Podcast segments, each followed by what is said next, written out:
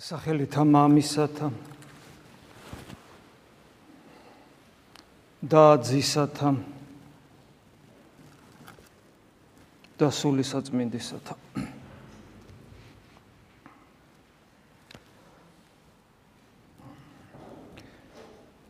ვაიძულებთ ჩვენ თავს რომ რწმენა გავიცოცხლოთ ვაიძულებთ ჩვენ თავს რომ გული მგზნობიარე გახდეს ღვთის მადლის მიმართ. ვიცით ამისთვის ერთადერთი გზა.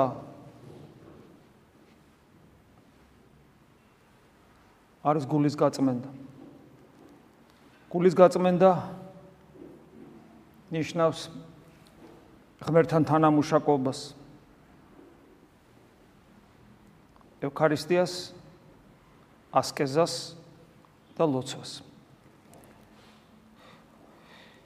ამ ყოლაფრის შემოწმებას მოყვასთან ურთიერთობაში. ვეხმარება ბევრი რამ, მათ შორის ლიტურგიკული მსახურებანი, რომელიც თავის საკითხავებით განსაკუთრებული კვირის დღეებით განგვაწყობენ იმისათვის, რომ ეს მოხდეს, რასაც ჩვენ საუბრობთ, რა მე აღდგომის გამოცდილება ჩვენ აღდგომა ჩვენს გამოცდილებად იქცეს. ამას ვთილობთ უკვე მთელი მარხვის პერიოდშია, მარხვამდეც, როცა მარხვის მოსამზადებელი პერიოდი იყო. დღეს სახარებაში ვნახეთ, რომ კიდევ ერთხელ მიგვანიშნებს წმინდა წერილის საშუალებით ეკლესია რწმენის შესახებ. რწმენა. რა არის რწმენა? ეს სამშაო საკითხია ჩვენთვის და თემა, იმიტომ რომ ჩვენ სულ გვაქვს ილუზია, რომ წმენა გვაქვს. ჩვენ უნდა გვტკიოდეს ჩვენი ურწმუნოება, ჩვენ უნდა გვტკიოდეს ჩვენი სარწმუნოებრივი დეფიციტი, ჩვენ უნდა გვაწუხებდეს ის, რომ წმენა ისეთი არ არის, როგორც უნდა იყოს.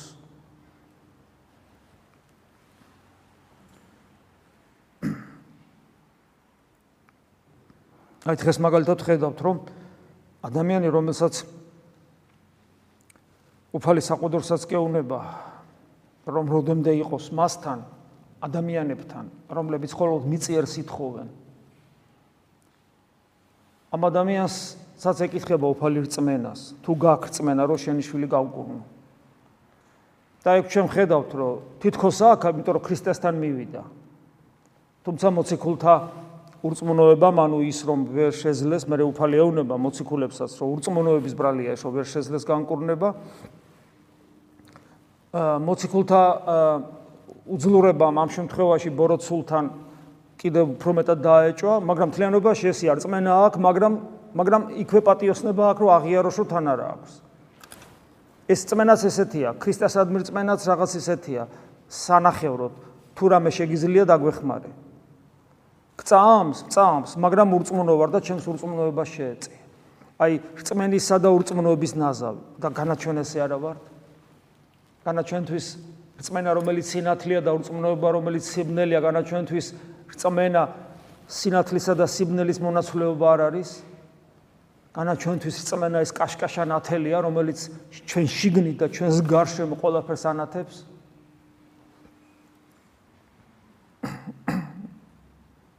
და ნაკლული რწმენა შეიძლება ჩავთვალოთ რწმენად.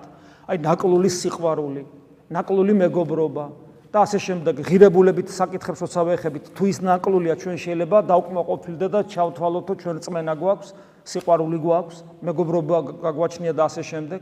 ან არის ან არ არის. ჩვენ ესე უდგებით ღირებულებით საკითხებს. ცოცხალი ცოცხალი ხარ თუ ყდარი ხარ? ნუ რა ვიცი. ხო ეს ხო ნიშნავს რომ ვერ ახარ კარგად. ანუ ჩვენ ღირებულებით საკითხებს უდგებით მაქსიმალურად მაქსიმალისტები ვართ როგორც ასეთი, როცა როცა ფილოსოფიურად ვიჯელობთ.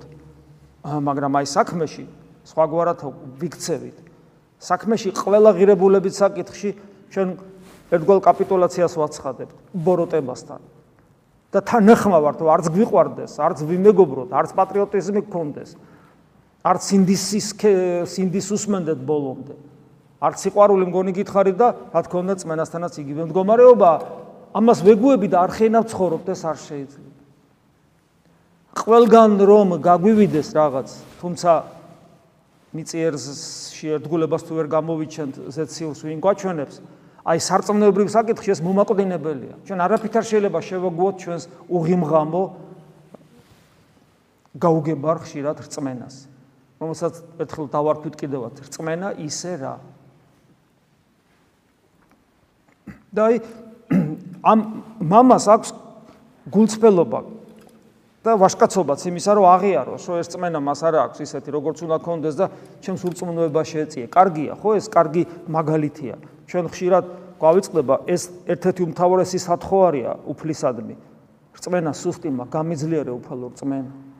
მაგრამ ეს რომ ვთხოვო, ჯერ უნდა ვხედავდე ჩემ ცირად მორწმუნოებას და მე ეს უნდა მაწუხებდეს და ძალიან უნდა მაწუხებდეს. და თუ არ მაწუხებს, პრობლემის წინაშე ვდგები. აი ამაშია საქმე. მე ახლა მოციქულების რწმენა მოციქულები ვერ კურნავენ. კურნება რაში მდგომარეობდა? ეშმაკი გააგდოს. ეშმაკი, ესეც საინტერესო სახელია. როგორი ეშმაკია? რა სახელი ქვია ამ ეშმაკს? ალბათ გახსოვთ. ყრუ და მუნჯი ეშმაკი. და საინტერესოა, ხო? საინტერესოდ გამარტავენ სხვათა შორის ღვთისმეტყველები ამას. ეს არის ის თვისებები, რომელსაც ეს ეშმაკი ანიჭებს ადამიანს, რომელიც როცა ადამიანში შედის. ადამიანში შედის და ამ თვისებებს ანიჭებს. აი ეს ეს ამას ნიშნავს ყრუ და მუნჯი. ყრუ უფლის სიტყვებისადმი და მუნჯი მას არ შეუძლია თავისი არც სარწმუნოება აჩვენოს და არც გულგრილობა დაასაბუთოს, როცა მას გულგრილობაზე მიანიშნებენ. მას პრობლემაა სერიოზული ადამიანისათვის ამ დროს. როცა ადამიანს თითქოს წმენა აქვს, მაგრამ ეს წმენა ვერ არის რეალიზებული. ბოლომდე არც ესმის, არც შეუძლია გამოთქვას, არც ახსარებლობა არ აქვს. ანუ რეალურად, რეალურად ის ის თავის წმენას ვერ ვერ ახორციელებს, ვერ უკეთებს რეალიზებას. და აი მოციქულებს ეუბნება რომ მურწმუნოების ბრალია, რასაც რომ თქვენ ვერ მოერიეთ მას. და მე მე კარგ რამეს ამბობს, გახსოვთ ხო? ურწმუნოებაზე მიანიშნებს და მე ეშმაკი განიდევნება ლოცვითა და მარხვით. რა თქმა უნდა, მოციქულებისათვის უცხო არც ერთი იყო არც მეორე. მაგრამ ის უფალი მიანიშნებს სხვა გვარ ლოცვას და სხვა გვარ მარხვას, ანუ ღვაწლს. ღვაწლს, რომელიც რა თქმა უნდა თეორიულად მაინც ვიცით რაც არის. ეს ნიშნავს იმას, რომ იქ სადაც ქრისტეა და ქრისტეს გარშემო მყოფი ადამიანები უსუსურობას ავლენენ რწმენაში, ადამიანები, რომლებიც ქრისტეს უშუალოდ ხედავენ. ეს ნიშნავს იმას, რომ ჩვენ დაფიქრება გვმართებს. ჩვენ, რომლებიც ვერ ვხედავთ ქრისტეს, ვერც ცხადში, ვერც გულში, ჩვენ როგორი წმენა გვაქვს? ერთი რამე უდავოა, რომ ექსტრემალური სიტუაციაში რო ხვდებით, ჩვენ ხშირად ვატყობთ ხოლმე, რომ ჩვენი რწმენა ვერ ამართლებს. და იმ წამსვე ჩვენი შინაგანი მდგომარეობა სპონტანურად ისეთ რეაქციას ავლენს, რომელიც მხოლოდ ურწმუნოს შეუძლია გამოავლინოს და არა მორწმუნოს. ამის გამოცდილება თითოეულ ჩვენგანს აქვს. აი ამ ყველაფრის ფონზე, რაზეც ჩვენ ვისაუბრეთ, კარგი იქნება თუ გავიხსენებთ ვის ხსენებაა დღეს და რომელიც რომელიც წმინდანის კვირა დაიწყო. ეს არის ღირსი мама იოანეს სინელი. რომელიც ძალიან ცნობილი ასკეტური ლიტერატურის ავტორია, რომელსაც ქვია კიბე, სათნოებათა კიბე. ეს ციგნი ყველა ქრისტიანის სამაგიდო ციგნი უნდა იყოს აუცილებლად. მაგრამ ის წაკითხვას ჭირდება სიბრძნე, იმიტომ რომ ეს ციგნი დაწერილია უშუალოდ მონაზვნებისთვის და არა ერის ადამიანებისათვის. მაგრამ მეორე მხრივ არ არსებობს მონაზვნური და ერისკაცული ქრისტიანობა. ქრისტე ყოველასთვის მოვიდა. სახარება თანაბრად არის ყოველასთვის მონაზვნებისთვის და ერის ადამიანებისათვის. მონაზვნებსა და ერისკაცებს შორის არის სულიერი ცხოვრების ცხოვრებათა შორის განსხვავება არის მხოლოდ და მხოლოდ რაოდენობრივი. რაოდენობრივი, არსობრივად. მონაზონს და ერიესკას შორის არსობრივი განსხვავება არ არის. ორივე უნდა ცხონდეს, ორივე ერთნაირად უნდა მოკვდეს, ორივე მგული უნდა გაუხსნას ქრისტეს და რწმენა ორივესთვის ერთ და იგივეა. და ორივე უნდა კონდეს ლოცვა და ორივე უნდა კონდეს ასკეზა, მაგრამ აი რაოდენობრივი თვალსაზრისით, რა თქმა უნდა, მონაზონის ცხოვრება განსხვავებულია. მაგრამ აი ეს ხშირად ვერ ვერ არის ხოლმე გაგებული ადამიანებს გამოცდილება არ ყოფნით ერის ადამიანებს, სიბძნე არ ყოფნით. მადლი არ ყოფნით შეიძლება ასე ითქვას. და შესაბამისად კითხულობენ ასკეტურ ლიტერატურას და ვერიგებენ რა არის მისი საკეთებელი არსობრივად და პირდაპირაც და რა რა მხოლოდ არსობრივად და არა პირდაპირ. ამიტომ ასეთი ლიტერატურის კითხვის დროს გამოცდილ ადამიანთან კონსულტაციები სასარგებლოა. ანუ კითხულობთ და ერთმანეთში ერთმანეთში საუბრობთ იმ თემებზე, რასაც თქვენ აღმოიკითხავთ და გაუგებარ საკითხებს მეგობრებთან გაარჩევთ, სულიერ ძმებთან, დებთან. ამისთვის არსებობს სამრევლო ერთობა. არ არის აუცილებელი ყველაფერზე მოძღვართან მიხვიდე. შეუძლებელი ხდება, თქვენ ბევრი ხართ, ჩვენ ცოტანი ვართ. მაგრამ ერთმანეთთან უნდა გქონდეთ ურთიერთობა. თქვენ ხშირად პატარა წვრილმაზე მორბი ხართ მოძღვართან. აი დაძმანი ხართ. იფიქრეთ, იმჟელეთ, იაზროვნეთ, შეიკრიბეთ. ეს ეს სალაპარაკო თემა იყოს. თქვენ შორის ურთიერთობაში უმთავრესი თემა რა უნდა იყოს? თუ არა ქრისტე და თუ არა სულის გადარჩენა და ცხონება. ეს ისე საუბარი იქნება გზაში მიდიხართ, სადმე ხართ, აქ იმყოფებით, მუშაობთ, სუფრაზეზე ხართ. სუფრაზე მეტი სალაპარაკო ქრისტიანს რა უნდა ქონდეს? ერთ-ერთი წმინდა მამა ამბო ამ წმინდა მამა ამბობს სუფრაზე, სადაც ქრისტეს დიდება არ ხდება, იმ სუფრაზე დემონები ემსახურებიან. ეს მართლაც ასე. ამიტომ თქვენ უნდა ეს თემები იმდანაც მნიშვნელოვანი უნდა იყოს, რომ თქვენ კითხულობდეთ, ფიქრობდეთ, აზროვნებდეთ და გაუგებარ საკითხებს ერთმანეთთან არ ყვებდეთ. დამერწმუნეთ, რომ აგვამრავი ადამიანია ისეთი, რომელიც პასუხს გაგცემთ ასეთ საკითხებს. მე ასეთი აზრი მომივიდა, რომ რადგან ასეთი დიდი მამის ხსენება და მთელი კვირა ფაქტიურად მას ეკუთვნის, რა თქმა უნდა, დღეს ვერ მოვასრებთ და დღეს მხოლოდ ცირეოდენს მოვასრებთ. იონე სინელის კიბედან რაღაც მუხლები აღმოგიკითხოთ და ამ მუხლების შესახებ ვისაუბროთ. იონე სინელის აი ამ ნაწარმოებს, რომელსაც კიბე ქვია, შემთხვევით არ ქვია კიბე, ეს არის სულიერი ცხოვრების სათნოებათა აღმავალი საფეხურები და 30 საფეხურია და ძალიან საინტერესოა, ძალიან. კიდევ ვიმეორებ. უაღრესად პრაქტიკული საკითხებია განხილული. ეს ნაწარმოები და როგორც ყველა საერთოდ მოღვაწი მამის ასკეტური ლიტერატურა, იმით არის საინტერესო, რომ ეს არის სულიერი ცხოვრების პრაქტიკა, რომელიც ეფუძნება არა თეორიას უბრალოდ. არა მხოლოდ ძველი მამების გამოცდილებას. ეს არის თეორიას არის და ძველი მამების გამოცდილებაც არის. მაგრამ ამავე დროს ის ეფუძნება იმ წმინდა მამის უშუალო პირად გამოცდილებასაც, რომელიც ამ ამა თუ იმ ნაწარმოებს წერს. ამიტომ ის ძალიან ცოცხალია და ნამდვილია. და ამით ის არის ძალიან მნიშვნელოვანი. ამიტომ ჩვენ რასაც წავიკითხავთ, შეიძლება ითქვას, რომ ეს ძირითადად ყველაფერი არის მისი გამოცდილება. მაგრამ საინტერესო ცხოვრება გაულო, ეხლა მე მაგას რა თქმა უნდა არ მოგიყვებით, ეს შეგიძლიათ ნახოთ მისი ცხოვრება ინტერნეტშიც არის. ეს სიგნიც არის ინტერნეტში, აქ რამეები, ამე ისეც კი არ წაგიკითხავთ, მაგრამ მე მინდა რომ რამდენიმე მუხლი წავიკითხოთ ხოლმე ყოველწირვაზე და ესე გავარჩიოთ.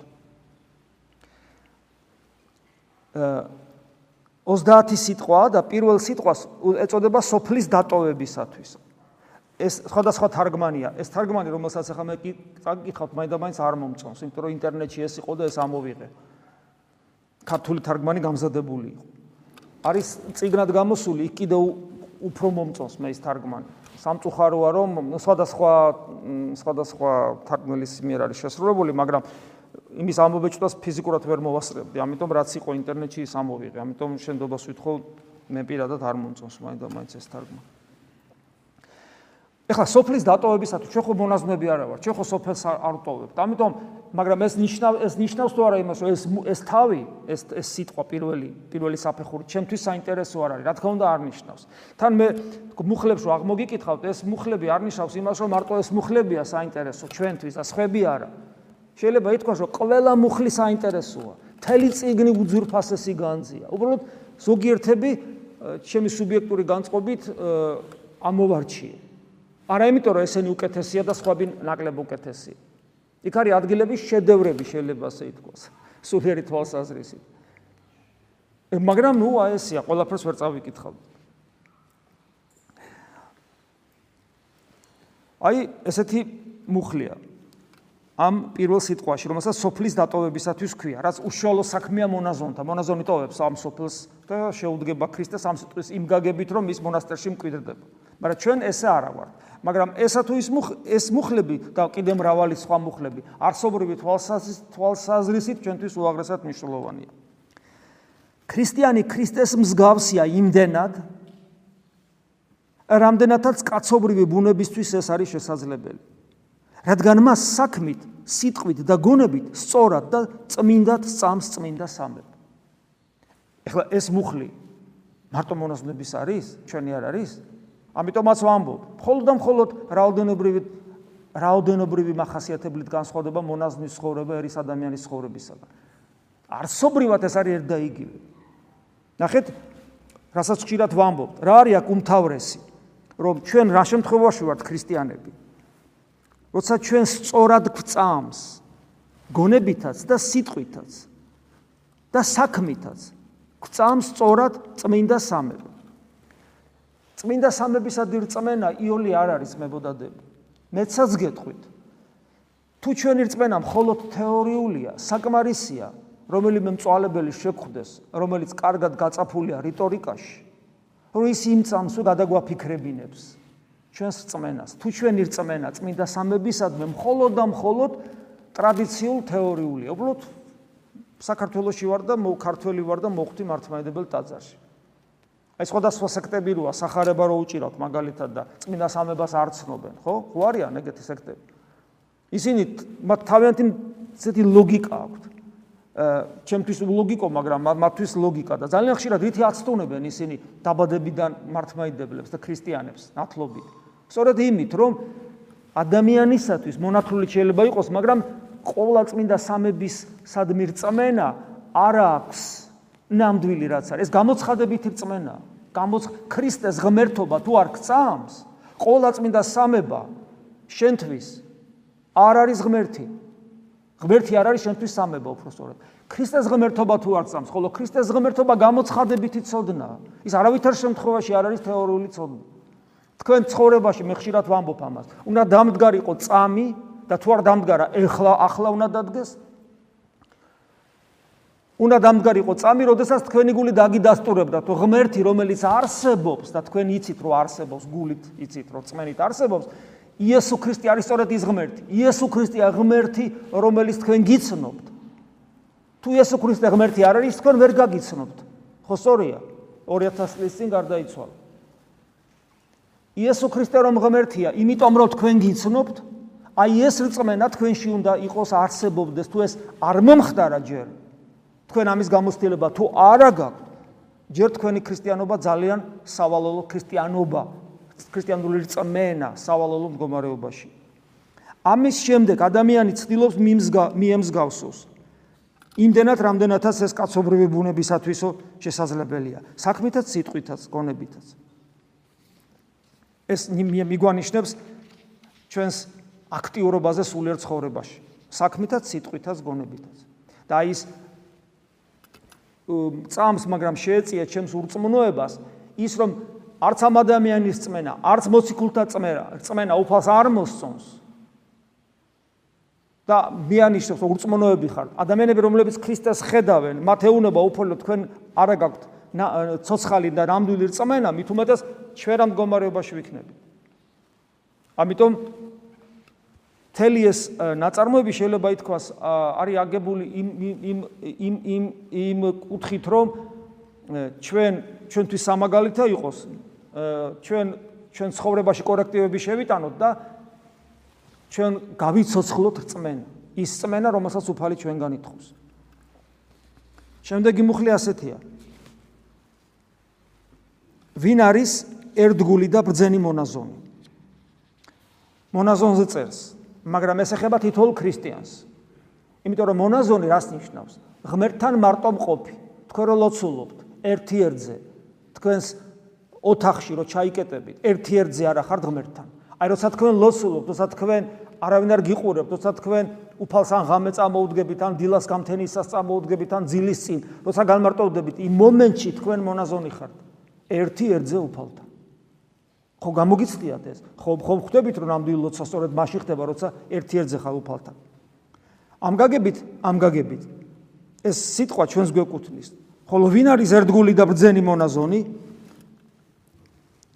ვინ შეძლო ხურვალეთ გაუნელებლად დაეცვა ვიდრე ხორციელ ახსასრულამდე და ყოველდღე ამ ცეცხს ცეცხს ამატებდა სურვილს სურვილზე დაურთავდა ხურვალება ხურვალებას დაურთავდა გულმოდგინებას გულმოდგინებას ვიდრე წმინდად და უბიწოდ წარდგებოდა უფლის წინაშე. ნახეთ როგორ დინამიკაა.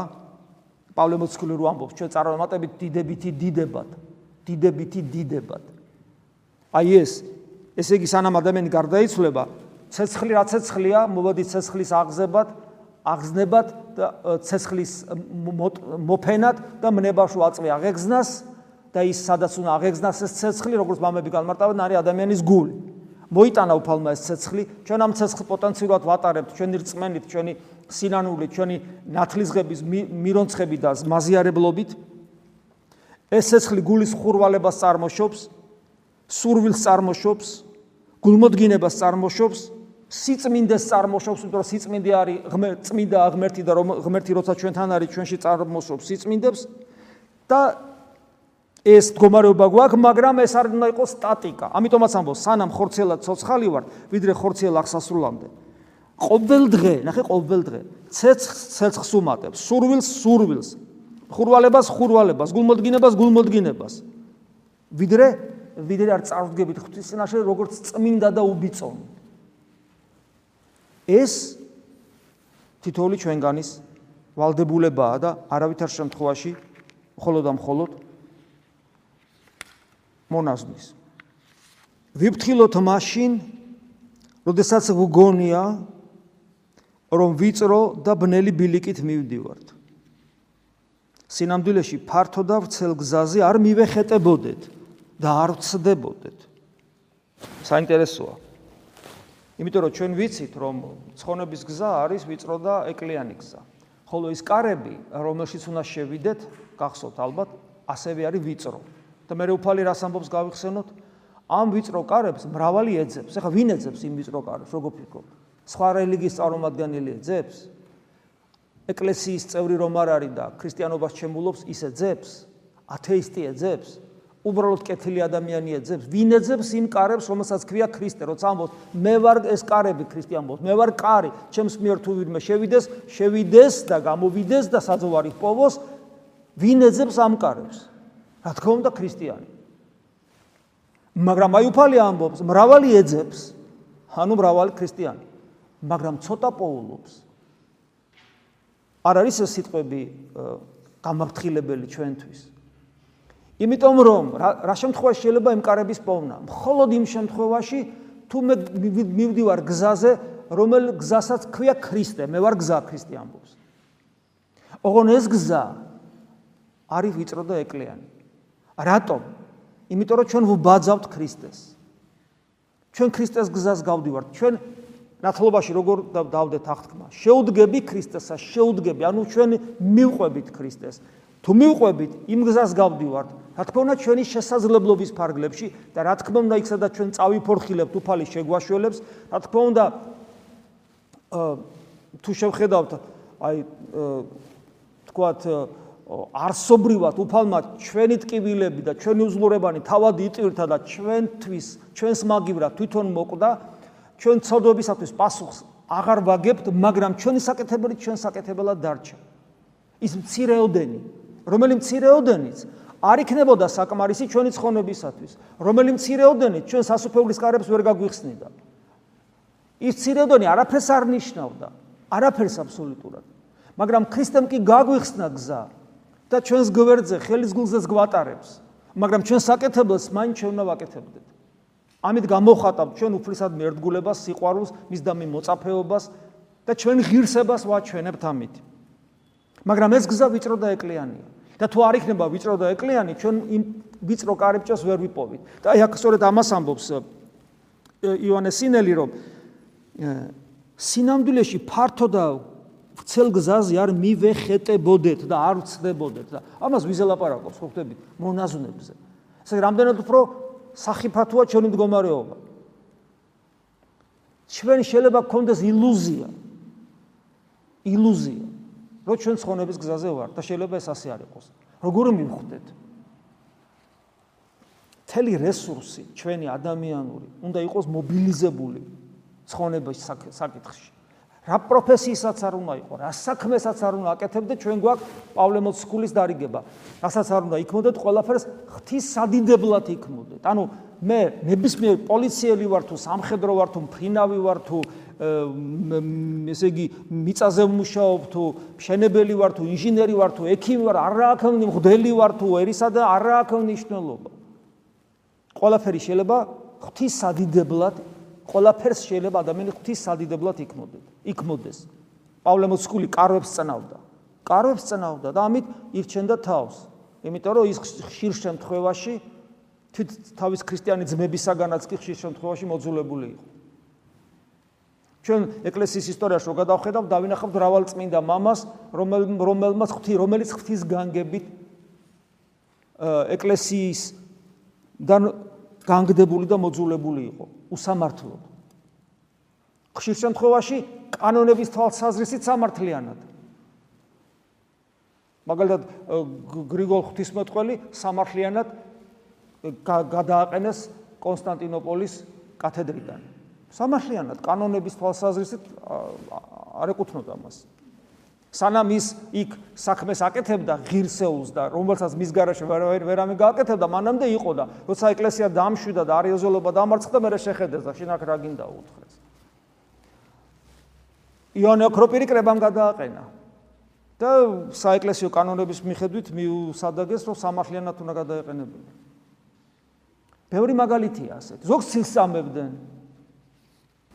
აღარ ჩამოვთვლით. ძალიან საინტერესოა ამ კუთხით ეკლესიის ისტორია. ეკლესიის ისტორია როაც არის ის ადამიანმა და დღევანდელ ეკლესიას უყურებს, შეიძლება შოქში ჩავარდეს. ეს რატო უნდა ხდებოდეს? ეკლესიის ისტორია მრავალ კითხვაზე პასუხს იძლევა. ჩვენ უნდა ვიცოდეთ ეკლესიის ისტორია. როგორ ცხოვრობდნენ ჩვენი წმინდანები, ჩვენი დიდი დიდი წინაპრები, ანუ ჩვენი ჩვენი დიდი მამები, სულიერი წინაპრები, როგორც ოქროპირი ამბობს, ჩვენი დიდი ნათესავები, როგორც სულიერი, როგორც იონო ოქროპირი ამბობს, ჩვენს წინამორბედ ქრისტიანებზე, არა ნაციონალური კუთხით, არამედ სულიერი თვალსაზრისით.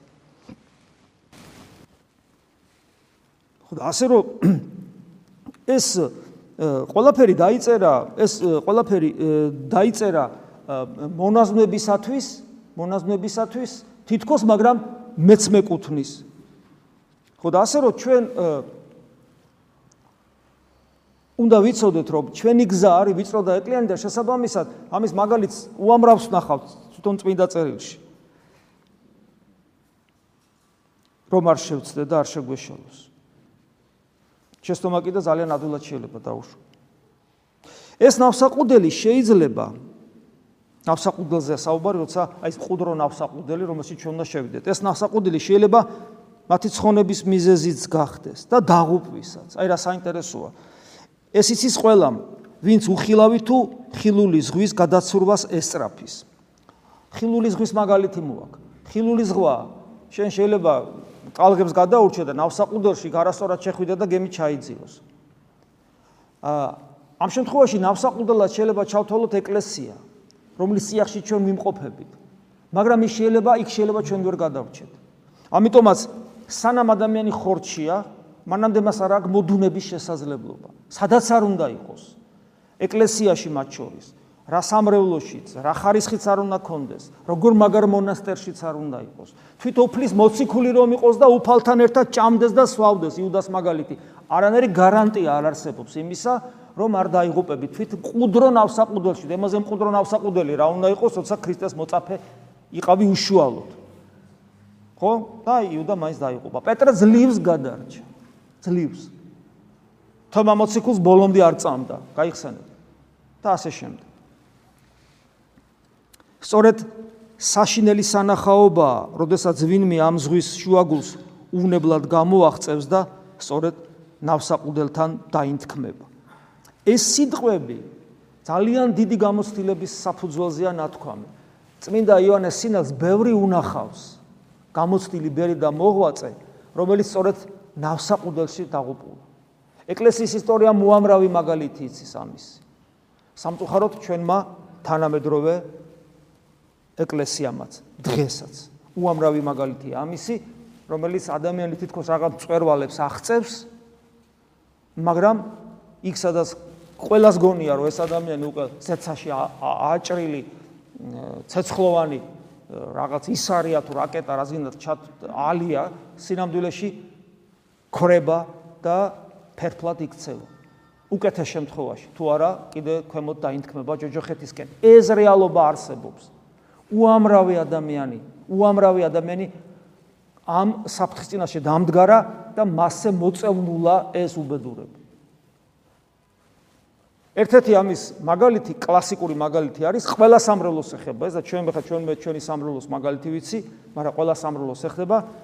სამრელოს მრევლის წევრების ესე იგი ადამიანთა აი მრევლის ხო თქვენ ადამიანებისგან შედგება ხო? მათი ცვლილება ის როდესაც განახლება ხდება მუდმივი სამრევლოს წევრების, როცა მუდმივად ვიღაცები მოდიან და ვიღაცები მიდიან და მათ შორის მიდიან ისეთები, რომლებიც მრავალი წელნი იყვნენ. რა თქმა უნდა, ადამიანები ყოველთვის თავს იმართლებენ წავედი იმიტომ, რომ რაღაცა არ მომეწონა. რა თქმა უნდა, ასეთები შეიძლება იყვნენ. რა თქმა უნდა, მაგრამ ზოგადად, ზოგადად, მრავალი მიდის ისე, რომ ეკლესიისკენაც ეკლესიისკენ საერთოდ აღარ იყურება. ეს ეხება სასულიერო პირებსაც, ეს ეხება მონაზვნებსაც და ასე შემდეგ. ასე რომ რწმენა, რწმენა მუდამ კონტროლს საჭიროებს ჩვენი მხრიდან. ჩვენი ქრისტიანობისადმი იდენტიფიკაცია მუდმივად უნდა კონტროლს ეკონდებარებოდეს, მუდამ უნდა კრიტიკულად უყურებდეთ საკუთარ თავს, ამას ქვია მღვიძარების და სიფხიზლის სათნოება და არავითარ შემთხვევაში არ აქვს საშუალება მოდუნებისა. მაგრამ არ ვიფიქროთ, რომ ეს ძნელია. ძნელი ამის garaშე ყოფნა. ძნელი მოდუნებული ყოფნა, ძელი უქრისტად დარჩენილობა, იმიტომ რომ თუ ადამიანი აი ესე მობილიზებული ცხოვრობს, მას მუდმივად ღვთისაგან ნუგეში ეძლევა და ამ ნუგეში ქვია სიხარული. არამიწიერი სიხარული. ამ ნუგეში ქვია არამიწიერი სიცოცხლის განცდა. ამ ნუგეში ქვია მოუკლებელი, მოუკლებელი იმედი, რომელიც არასოდეს არ ქრება. და ამ ნუგეში ქვია სწრაფვა სიყვარულისაკენ, რომელიც როგორც მარადიული გაზაფხული ისე გვაძლევს სურნელს, წინაგემოს ხილვას და ამით გვაძლიერებს და გვამტკიცებს. შეგვეციო სუფალი, ჩვენ ნელ-ნელა ესე გავაგზელებთ ყოველ შეხვედრაზე წმინდა იონეს სინელის მუხლების აღმოკითხვას მე ვფიქრობ დიდ სარგებელს მოგვიტას მარხვის პერიოდში. მადლი უფლისა ჩვენისა იესო ქრისტესი და სიყვარული ღვთისა და მამისა და ზიარება სულისა წმინდისა იყოს თქვენ ყოველთა თანა. ამინ.